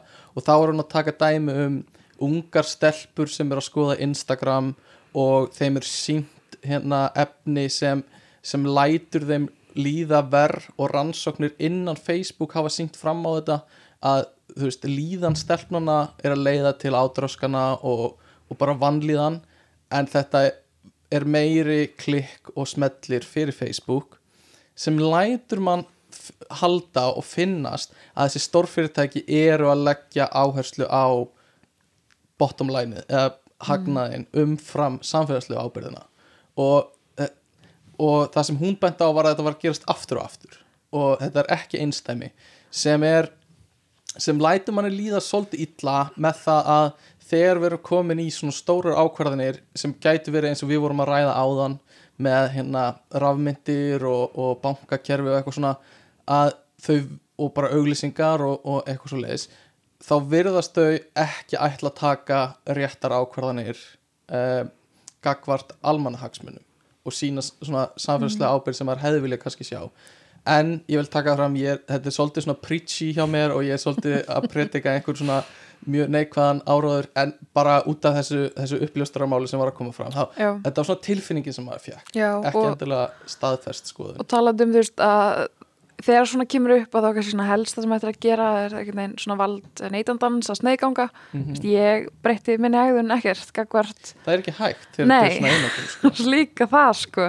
Það er svolítið gallið, þú getur ekki hægt að nota Facebook eða, eða þú veist, þú getur hægt að nota Instagram en það er, þú veist, ég vildi ekki að það maður hefur heyrt þetta oft, það er ekki hægt að hægt að nota Facebook af Nei. því öll samskiptin ég færi gegnum þetta og öll bóða á alla viðburði og Mhm. bara alls konar þannig að þetta er orðið meira svona eh, skilda heldur en, en hérna val annað sem er langað að koma að tengdu Mhm. þessu er það er svolítið áhugavert hvernig hérna uh, hvernig starfsmenn er að koma inn með uh, sko hagnað inn í hagkerfið hjá þessum fyrirtækjum og hjá svona eldri fyrirtækjum eins og Walmart var og er risastort fyrirtæki og er með tvö, eh, skilst með tvö, tvær miljónir starfsmanna sem eru þá að fá borgu laun og eru að koma með peningin í hagkerfið og, og hérna, hérna velta í, í bara eh, hérna peningum í hagkerfinu. Apple sem er tölvöld stærra fyrirtæki er með 50 starfsfólk já, er, þú tala um sérst launin Já, þau eru að koma með peningin með því að borga fólki laun. Já, já, já ok. Og er með miklu færra starfsfólk heldur en, en Walmart en er samt tölvöld stærra fyrirtæki. Já, um, þannig að, að það er eins og það sé ekki að skila sér á sama hátt inn í bara svona eðlilega hagkerfið ég veit ekki, kannski er það að skila sér einhvern veginn öðruvísi uh, bara með kaupum á vörum eða eitthvað svoleiðis. Ætla að ski- skila sér hérna væntalega þannig að það er hluti af þessum fjármunum og tekjum sem að þessi tækni fyrirtæki fá sem að hérna, þau þurfa að verja bara í rannsóknir og þróun til dæmis. Og svo ímyndum maður sér að þessi einhverjir sem að eiga þessi fyrirtæki sem að hérna, það er einhver umfram hagnaður að hann mun renna, renna þangað. Þannig að þau eru ekki svona hérna uh, krefjast ekki miklar vinnu aflsnótku, þetta er ekki án fysisk fyrirtæki eins og Volmort þannig að, uh, þannig að þau skila sér bara með öðrum hætti myndi ég kannski þá segja. í, til færa fólks kannski, Já, þetta er náttúrulega allt bara, en þetta er samt það sem allir tala um, vil vil ekki allir, er ekki allar þjóðir einhvern veginn vilja vera með svona hálaun og störf Mm. Sem bo borga vel. Og hérna, og ég menn þetta verið gaggriðt hérna á, á, með áherslu á ferðaþjónustu á Íslandi. Mhm. að, sérst, að, að það sé störf, sé ekkert vorulega arðbær störf, séu Nei. þjónustu störf sem að, hérna, eh, sem að séu við viljum frekar laða til okkar nýskupuna fyrirtæki sem er að starfa eins og þessi fyrirtæki sem að þið voru að nefna. Já, viljum við þá freka vera með þekkingar Já, veist, þetta, þetta er rökin fyrir því að, að þjóðir heims vilja vera með hérna, e, þekkingar fyrirtæki vegna þess að þau greiða meira. Einmitt, Já, já. einmitt. en svo eru dæmi líka um að þau eru að flytja sig yfir í svona skattvætni lönd eins og Google er komið til Sviss og, og hérna uh, fleiri rísar sem eru kannski að færa sig. Uh, þetta aftur bara þau eru að hugsa um hagnaðin sinn. En þetta er ekki drosa svona, uh, svona er ekki drosa svona samfélagslega ábyrgt þeir hefðu kannski vilja halda þessi bandaríkjunum ef að hérna ég veist sem að bandarisk, bandar, bandariska þjóðin hefði vilja hafa Google hjá sér. Um, og, og svo er þau líka það spurning hvað, hvað hafa mikil pólitísk sko völd þessi fyrirtæki? Mhm. maður veit að stór fyrirtæki eins og Livjareisar og oljufyrirtæki það er bara frækt að þau eru ofta pota í stjórnmálamönnum sko. Mhm. um, það er spurning hvort að svona nýri og tæknifyrirtæki eru á sama stað sko. Já um, veit allavega að Apple, þeir eru hérna að kljást við, við Evrópusambandi núna. Evrópusambandi sektaði Apple fyrir skatta sniðgöngu fyrir einhverjum þrejum árum held ég. Mm. fyrir, og sem að kannski hérna, þegar við erum að tala um samfélagslega ábyrð þá hérna, þú veist bara spurning líka bara hversu mikla hérna kröfur er hægt að gera til fyrirtækja. Já, og hérna sérstaklega í heimi eins og við liðum í þar sem að fyrirtæki er ekki hérna það er ekki þannig að hlut það var fyrirtæki sem speri hérna óskoraða ábyrð á öllu sem fyrirtæki gerir. Fyrirtækin eru bara hérna eh, veru bara lögpersonur mm -hmm. einhver sjálfstæð unit sko. Nei, algjörlega. Og uh, mér langar líka að taka fram, við erum búin að vera svolítið eh, og ég er búin að vera held ég svolítið neikvæðir gagvart þessu fyrirtækjum en veit, þau eru að koma með rosa mikið jákvæðum líka, jákvæðum hlutum. Bara, þau eru bjóðið upp á nýja tekno og þróun sem eru auðvölda samskipti bara, í, bara um allan heiminn sko. Og hérna eru að íta tækni þróun áfram og, og Já, hérna bæta samfélaga miklu leiti sko. Og en það er bara svona það er kannski þegar maður er að gera svona þátt er maður meira að fjalla um þetta sem er svona þessi stendur út úr og, og hérna er, er svona hægt að jöðast aðeins á. Þannig að, að ég vil ekki vera ofneik hvað er svona þegar það fyrir að síða á, á, á seinni hlutan hjá okkur. Uh, en ef við hugsum bara um framtíðina og bara hverjum að búast við uh, já, bara á næstu árum hjá þessum fyrirtækjum? Hvað hérna, hvaða stefnur ætlaði þessi að fara að taka núna, veist, getur þessu þróun haldið áfram á þessum vexti, við að fara að sjá þúsund miljardar fyrirtæki eða hérna triljóna fyrirtæki? Ég líka ætla að spyrja eina því svona, svona astnalegri spurningu. Uh, þessi fyrirtæki er að stækka og er megum meiri pening og allt þetta hefur þetta veist, eitthvað með að gera veist, er að verða til meiri peningur í heiminum veist, að því að eins og þú veist bara upphæðir sem að við erum að nota í dag er ekki sambarlegar upphæðum sem voru notaði fyrir lungu síðan. Þú veist, eru fyrirtækin að vaksa umfram hversu mikið virði peningarnir eru fattur hvað er að fara. Þau hafa örgulega verið að vaksa hraðar Já. heldur en hérna bara heimsbúskapurinn síðastlegin ár. Og svo bara sinna alltaf augljóst að það getur ekki gengið út í óendalega Nei, þannig að þetta er ekki bara það að peningarnir er að veist, verða alltaf stærri og stærri tölur, eða ekki? jú, Það er þróunin. það er þegar þú ert með verðbólgu að þá hérna, getur þú keftir hérna, minn, minna í dag heldur þú gast hérna, gert Mhm. fyrir hérna, tíu árum einmitt. Og fyrirtæki verða oft fylgir því líka að einhverju leiti, eða ekki? Jú, En fyrirtækin er að stækka meira heldur en það er að gera. Veist, já, meira en þau eru búin að vaksa já, al, klárlega hraðar verðbólgu og, og, og hraðar en hérna uh, bara hlutabrjámarkaðir ég held að Mhm. hérna, hluta uh, markasvirði fyrirtækja hérna allra skrára fyrirtækja hafi tvöfaldast frá 2000 til 2010 og svo aftur tvöfaldast frá 2010 til 2020 Já, og ég man ekki e, frá 2011 e, þá á, á, já, árið 2001 þá var Microsoft metið á 258 miljardar dollara. Mm og, og, og, og í dag er það metið á 2100 miljónir dollar þannig að það hefur tífaldast í verði og meðan hérna markarsverði allra hérna, skráðara fyrirtæki hefur fjórfaldast. Einmitt. þannig að þessi fyrirtæki eru að vaksa miklu hraðar Já. og hérna en það mun ekki vera það, sagan segir okkur það. Nei. og hérna það er alltaf ómögulegt að spá fyrir um og ég veri ekki hérna starfandi á samkynnseflit á Íslandi eða í þessum hlaðvarstætti ef að ég vissi hvernig þessi fyrirtæki myndi þróast. Nei. En það sem að veit samt núna er bara að þau eru, að það er svolítil óvisa um það hvernig skeppnur þetta munu verða. Já. og hérna vegna þess að e, svona e, það hlýtur að vera þannig að, að hérna, stjórnmólin eiga að ákvarða það hvernig umhverfi við erum með. Þetta getur ekki verið að þetta eiga að koma úr hinni áttinni að hérna að tækni fyrirtækin að ákvarða hvernig lífið okkar verður. Það hlýtur að vera þannig að stjórnmálmennir að ákvarða hvernig hérna, umhverfi hérna, þau búa í. Og þannig að það er hérna, það er það sem að liggur núna fyrir held ég hjá, hjá stjórnmálumönnum er að ákvarða svona hvernig, hvað, hvað skipla viljum við hafa. Manni og þetta er orðið svolítið hérna, þetta er orðið hérna og við vorum að tala um sko, hvers vegna hvernig hefur þróuninu verið uh, og, þetta er, og það eru búin að koma svona, svona skandalar svona síu ofan í æg undanfæri svona tíu ár munum eftir svona Cambridge Analytica Já. Já, já. og svo var ég að lesa mjög aðteglisverða hérna uh, grein í, í tengslu við hérna markað fyrir aðtegli Mm.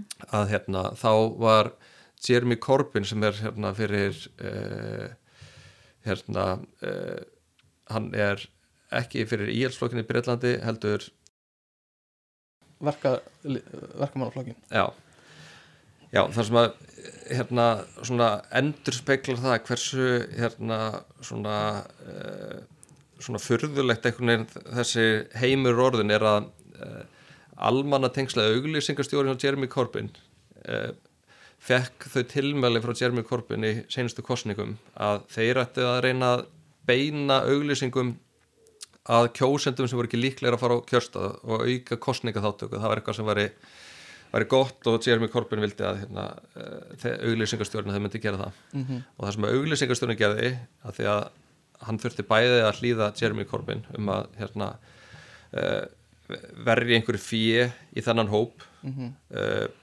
og á sama tíma þá hann ekki trú á þessu fyrir flokki sinn að þá hérna eittan einhverjum 5.000 pundum í auglýsingaherferð sem að þar sem hann targetaði bara Jeremy Corbyn helstu hérna samstagsfólkans Já. og bara þessa búblu sem að þau voru í kringum Einmitt. og það trúðu því allir að hérna, þeir væru bara með skilaboð út um allt Einmitt. um að um að fólk gæti að drífa svo, drífa svo kjörstað. Pældi og svo því. gerist það ekki sko. Nei, þannig að þetta er orðið svona eh, ótrúlega furð, furðulegt einhvern veginn svona erfitt bara fyrir almenning að átta sig á hérna, þú veist, bara hvernig svona landi liggur. Einmitt, alveg klálega og verður þetta máðan um Google og þá eru líka til svona rannsóknir þar sem að er verið að bera saman bara leita neðustur hjá einhverjum svona aktivistum og hérna fólki sem er að ferðast. Og það voru einhver hérna rannsókn gerð það og það var sko, sko þú veist Líbía eða einhver svona hérna lönd sem hafa verið stríðsrjáð og þá fekk hérna ferða, ferðamála hérna ákvaðmaðurinn bara einhverjar, uppsyngur um sögu og svo framvegis og aktivistinn um hérna ástandið sem var hérna sem var í gangi þar sko. Þannig að þetta er orðið svona furðuleg líka einmitt, svolítið erfitt fyrir almenning bara einhvern veginn átt að sagði hvernig lítur heimurinn út? Þess að við erum öll bara einhvern veginn í okkar sílói klárlega. Og e, bara kemur inn í bara hérna fjölmiðla og, og hlutleysi þeirra og hver, hverju maður á að trúa og, og þetta hjálpar ekki að, að, að, við fáum allar okkur upplýsingar í gegnum tæknina og þessi Já, tæki. Það er auðvelt að vera í bergmálshalli sko. Já, mjög auðvelt. Og bara örgulega frekar auðvelt að stjórna umræðinni bara eins og þú varst að segja með Corbyn að, veist, hann uppliði bara það eins og allir ætti að fara að kjósa og, og það væri bara hérna, það sem væri sendt út bara mjög auðvelt að stjórna umræðinu þannig sérstaklega átt fyrirtækið og, stjórnar því. Uh, og ég bara framhaldi af hérna samfélagslega ábyrð umræðinu sem við vorum með áðan uh, hver er svona þín skoðun á, á eins og hug, hug, hugmyndinu um þú veist bara í pj- pjúra kapitalísku samfélagi að hérna markaðurinn veist heldur að markaðurinn sé samfélagslega ábyrgur í bara hreinum kapitalisma þar sem bara hérna það er engar reglur og, og, og bara öllu leift að leika lausum ha- hala. Um, ég held að sé bara almennt ekkert skynsalegt að gera meiri kröfur til fyrirtæki heldur en að þau séu fyrirtæki mm. og hérna hugsa um sína hagsmunni einmitt, og þetta hefur verið kannski ekki, ekki hérna alveg prófað en e, og það er ekkert langt sér samkennislaugjöfin var að setja á. Það var í, í kringu þar senastu aldamóti í bandaríkjunum einmitt, þar sem að verður svona ekki sömu breytingar eins og eru núna en það verður svona eh, þær breytingar áttur sér stað að hérna var laðir, laðir lestarteinar þvert yfir bandaríkin. Þannig að þegar þú bjóst einhver staðar á vestuströndinu varst allir farin að geta selt vöruna þeinar á austuströndinu en ekki bara þú veist einhverjum 50 km radíus í kringum hérna eh, kringum einmitt. og uh, á þessum tíma þá leiti þetta og auknir flutningar til þess að að markaðir stækkuðu og sem leiti til auk, aukinnar samþjöpunar hérna meðal fyrirtækja og, og svo voru hérna ágættu menni svo Rockefeller sem áttu sig á því að það geti verið bara svolítið sniðut að hérna að eignast bara öll fyrirtæki sem voru í samkeppni við þig einmitt. og sem að þá hérna, leiti þá til þess bara að það var komið eitt fy- fyrirtæki sem að hérna, átti bara bölkið af öllum ólíulindum í bandaríkjunum einmitt. og á þessum tíma þá er brugðust þá hérna bandaríkjamenn og aðala hérna eins og ég hef skilið að bændur og litlir fyrirtæki eigendur eru mjög ósáttur við þessa miklu völd sem að stór fyrirtækin voru komið með. Og þá voru sett á lækinar samkennislaugjöf í bandaríkjunum. Mm. og þannig varandi það svona óheft hérna uh, kapitalist hækkerfi Þa, það er í raun og veru bara eiginlega ekki til neinstæðir í dag. Ef þú horfir á bandaríkin sem er talað um svona, sem hérna svona útópíu útópíu kapitalismans margir ja, maður heyrir það allavega svona umræðu þá ef þú hugsaður um svona bara samkemnislaugjöf hérna uh, skattastefnu í bandarækjunum Mhm. um, þetta er ekkit þetta er ekkit þetta er ekki kapitalist kerfi sem er þar sem er allt er ó bara allar aðgerir fyrirtæki eru óheftar. Nei, og þannig ég held bara svona í prinsipinu að þá er bara hérna er samþjöppun á auð og valdi bara, hún er ekkit hefur ekkit þjónað mannkyninu voðalega vel. Nei. og þá skiptir ekki máli hvort það séu sko fyrirtæki eða stjórnmálaleitógar einmitt, sem að hérna fá að ráða öllu. Einmitt. Já, þetta eru í, í, sko, er þetta góð punktu til að enda? Að því, er það ekki? Ég held að við höfum farið yfir uh, bara víðan völl og þetta er stórt efni til að tækla og hérna reynd- Rísastórt rísa efni til að tækla og við reyndum að dífa fætinu svona á eins mörgum stöðum og gátum. Uh, það var virkilega áhugavert og gott að fá þig Valur. Mjög skemmtilegt. um, um þetta með okkur. Uh, er eitthvað sem þú vilt taka fram á lokum sem þú vilt Instagraminu hjá hjá, hjá hérna uh, samkjæmniseftirlitinu eða eitthvað svo leis uh, Nei, bara mjög gaman að fá að tala við ykkur. Mhm. uh, það er að við svo komið núna ég held að samkjörnsefli sé ekki á Instagram þú sé á hérna segðu TikTok, segðu TikTok Nei, ekki TikTok, Ó, bara LinkedIn held ég, þetta er bara vola basic sko. Ok, hendar ekkert svona stofnunum nei. svona Nei. hérna, einmitt. Já, hérna TikTok, Instagram YouTube. eða Twitter líka getur verið bara erfitt Mhm. fyrir stofnanir sko Já. Já, svona heila manneski að vinna þar eða eitthvað gerast á aðganginum sko Já, Það er líka þunn lína að vera sko uh, mjög vandræðalegur og hérna klíugja og að vera töff sem stofnun Já, já. og sem fyrirtæki það getur bara mjög erfitt Það er mjög Já. erfitt. uh, En við aftur bara þökkum ég kærlega fyrir komuna og hérna virkilega gaman að fá þig og þetta svalaði allan að mínu þorsta að miklu leiti Algjörlega þetta mál. Takk. Takk svo leiðis